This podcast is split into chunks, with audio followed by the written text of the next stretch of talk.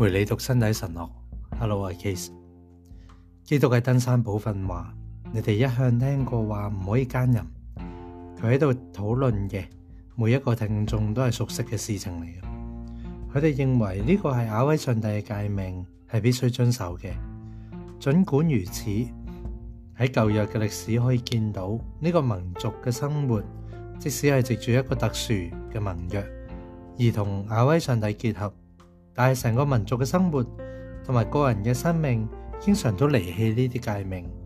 只要略读旧约嘅书卷、详尽记载嘅法规，就可以发现呢一点。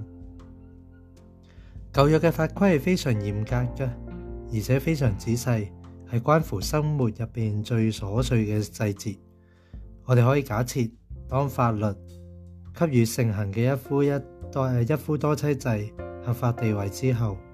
就更加有需要修订佢嘅管辖范围，巩固佢法定嘅界限。因此，立法者就违反咗常规嘅行为，制定咗大量嘅法规同埋严厉嘅惩罚。基督喺论述婚姻嘅唔可以拆散性质同埋休书嘅问题时，诉诸咗起初。基于较早之前对佢嘅话所作嘅分析，显然佢系清晰清楚了解。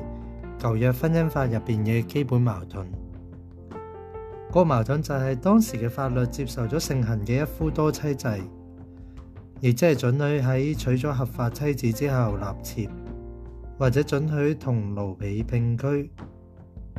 可以话呢个法律喺对抗罪恶之余，亦都带有罪恶嘅社会结构。事实上，法律维护嘅呢啲咁样嘅结构，赋予咗佢哋合法地位。喺咁樣嘅情況下，唔可以奸淫嘅戒命，基本嘅倫理意義必須從根本接受重新嘅評價。喺登山寶訓入边，基督再次展示咁樣嘅意義，從而超越咗佢喺傳統同埋律法上面嘅局限。或許應該要補充，雖然唔可以奸淫嘅命令可以話係關乎對於身體嘅貪欲作出妥協，但係诠释舊約嘅時候。反对越轨嘅性关系系清晰明确嘅，对同性恋行为啦、受奸啦、判以死命嘅相诶判以死刑嘅相关规定，亦都确认咗呢一点。对于犹大嘅儿子诶体外排精啦嘅行为啊，圣都话佢做咗呢件事为上帝所厌恶，上帝就叫佢死啦。整体而言，旧日嘅婚姻法将婚姻嘅生育目的置于首要嘅地位。喺某啲情况下，佢尝试达到喺律法面前呢男女平等。例如，佢明文指出，对于奸淫嘅惩罚，喺你未记二十章十节，若果人与嘟嘟嘟嘟诶邻友嘅妻通奸，奸夫同埋奸妇咧就要一律处死。但系整体而言，佢对于妇女有唔同嘅审判，而且咧对佢哋特别严厉。或者我哋应该要注意到呢啲法规嘅语言喺咁样嘅情况下所用嘅语言，往往系当时嘅诶性学采用嘅物化用语。为所有对身体神学嘅探讨而言，咁呢个咧都系重要嘅语言。我哋从中可以揾到明确嘅肯定。就係羞恥嘅特色，在於佢同人嘅性徵係相係緊密相關嘅。有關性嘅一切，甚至可以話係被視為不潔嘅，尤其係喺生理上所顯示嘅人嘅性意欲、暴露裸體啊，被指為等同於進行完全不合法嘅性行為。措辭已經非常明確啦，毫無疑問。立法者試圖運用一啲符合當時嘅意識同埋社會風氣嘅用用詞，如此，舊約法規嘅語言應該能夠说服我哋。立法者唔單止認識生理機能同埋身體嘅性特徵，而且作出明確嘅評價。咁樣嘅評價難免俾人負面嘅印象。呢個絕對冇廢掉我哋從創世纪認識嘅真理。我哋亦都唔應該指責舊約係摩尼教嘅先驅。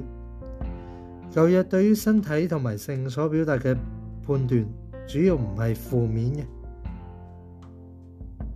或甚至係嚴厲嘅，而係帶有客觀嘅客觀主義嘅色彩，有意咧將人喺呢個範圍入边嘅生活咧納入正軌嘅。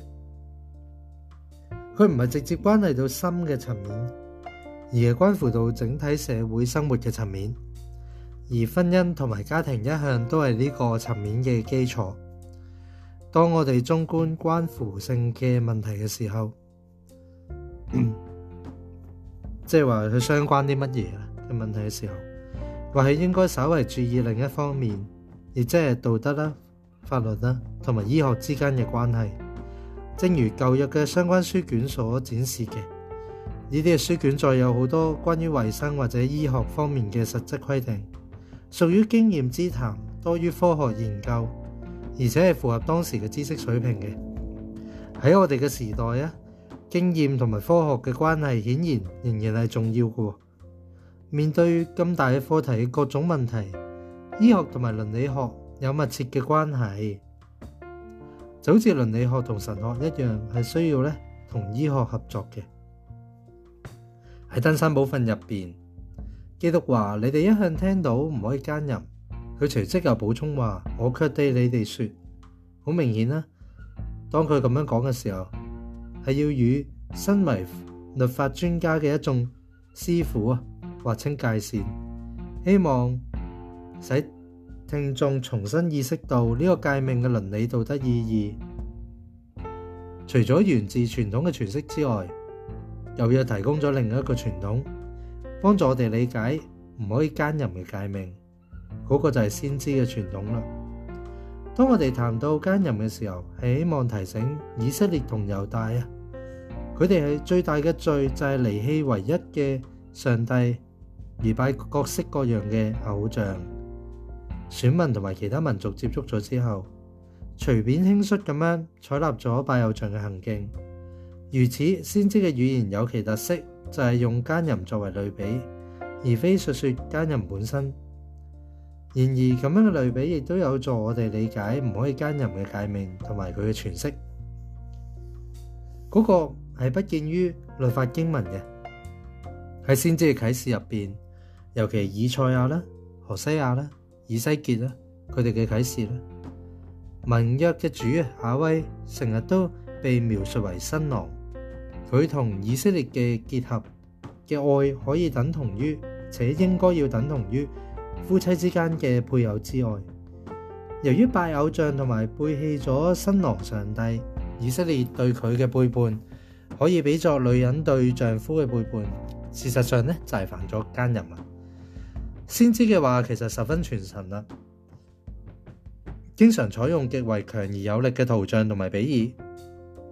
用嚟解释新郎亚威嘅爱，以及代入奸淫嘅新娘以色列嘅背叛。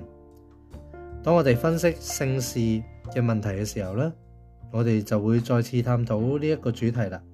但而家我哋已经触及必要嘅部分啦，以理解基督喺马太福音五章廿七节廿八节嘅话，并领会我却对你哋说点点点点呢句话对道德观更新嘅重视。以赛亚喺佢嘅著作入边，尤其强调新娘阿新郎亚威嘅爱。佢喺任何情况下主动走近新娘，无视佢所有嘅不忠行为。何西亚同埋以西结呢，就作出大量嘅对比，着重指出新娘以色列所犯嘅奸淫嘅丑陋咧，同埋道德嘅恶。喺下一次嘅默想入边，我哋咧将会尝试更深入咧去论述先知书。進一步為登山部分嘅聽眾去釐清，唔可以加入呢個計命嘅相關內容。咁我哋下次再讀。